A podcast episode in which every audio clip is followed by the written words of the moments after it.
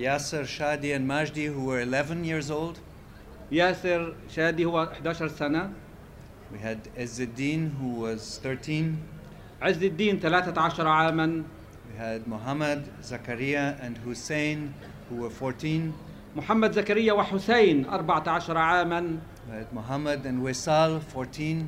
محمد ووصال 14 عاما We had Ala, Muath, and Jamal, who were 15. علاء وجمال 15 عاما And Muath. And we had Sadi, who was 16.